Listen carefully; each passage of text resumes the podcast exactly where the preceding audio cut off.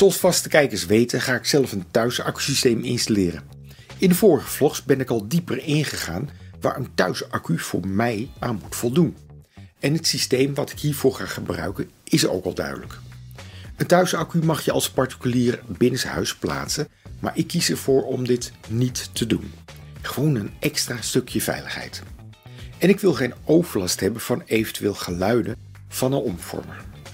Veel particulieren plaatsen om die reden een thuisaccu in een schuur of in een garage. Maar ik ga zelf een kast maken die ik buiten plaats. Kijk even met me mee en waarschijnlijk hebben jullie ook nog goede tips voor mij. Voor mij moet de kast aan een aantal voorwaarden voldoen. Alle onderdelen van de thuisaccu worden op een plaat gemonteerd waarvan ik de afmetingen al weet. Deze plaat is 1,10 meter breed en 1,50 meter hoog. Ik maak de kast zo dat deze plaat in de kast past, maar ook voldoende ruimte is voor eventuele latere uitbreiding qua accu's. Natuurlijk moet de kast waterdicht zijn en vind ik dat de kast zo brandveilig als mogelijk moet zijn. Verder houd ik er rekening mee dat bij eventuele calamiteiten de kast weg te slepen moet zijn van ons huis. Voor de zomer wil ik de kast eenvoudig kunnen ventileren en voor de winter wil ik ook een voorziening treffen om de kast op temperatuur te houden. Al met al een hele leuke uitdaging. Je begint natuurlijk eerst met een schets van de kast en aan de hand hiervan bereken je al het benodigde materiaal. Omdat er best wel wat gewicht aan de kast komt te hangen en ik wilde de kast in zijn geheel weg te slepen is bij brand, maak ik eerst een betonnen plaat waar de kast op komt te staan. Ik maak een eenvoudig frame van aluminium en ik gebruik een multiplex wat geschikt is voor buiten.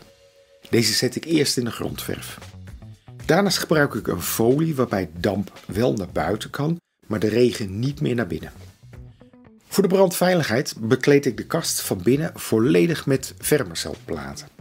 Deze platen hebben brandwerende eigenschappen. En ik kit alle naden en kieren ook af met een speciale brandwerende kit. De omvormers en de accu's worden straks op een plaat gemonteerd met brandvertragende verf. Deze plaat wordt dan weer gemonteerd in de kast. Nou, brandveiliger kan ik het niet maken, dacht ik zo. Natuurlijk houd ik rekening met de ventilatiemogelijkheid en qua temperatuurregeling zorg ik ervoor dat er een sensor in de kast komt die de temperatuur meet in de kast. Nu moet ik nog de kabels gaan trekken van en naar de meterkast. Ik wil gebruik kunnen maken van de noodstroomvoorziening, dus ik moet twee stroomkabels leggen met drie aarders van 6 kwadraat. Dan komen er nog twee netwerkkabels. Eén van de slimme meter naar de omvormer en één kabel van de router naar de omvormer. Dit kan trouwens ook met wifi, maar voor een stabielere verbinding is een vaste kabel aan te raden. Voor ventilatie en het eventueel verwarmen van de kast leg ik nog een extra stroomkabel. Deze hoeft natuurlijk niet zo zwaar te worden uitgevoerd als die 6 kabels. Nou, volgende keer hier meer over en eind januari komt het systeem. Wil je dit blijven volgen? Abonneer je op dit kanaal en geef even een duimpje.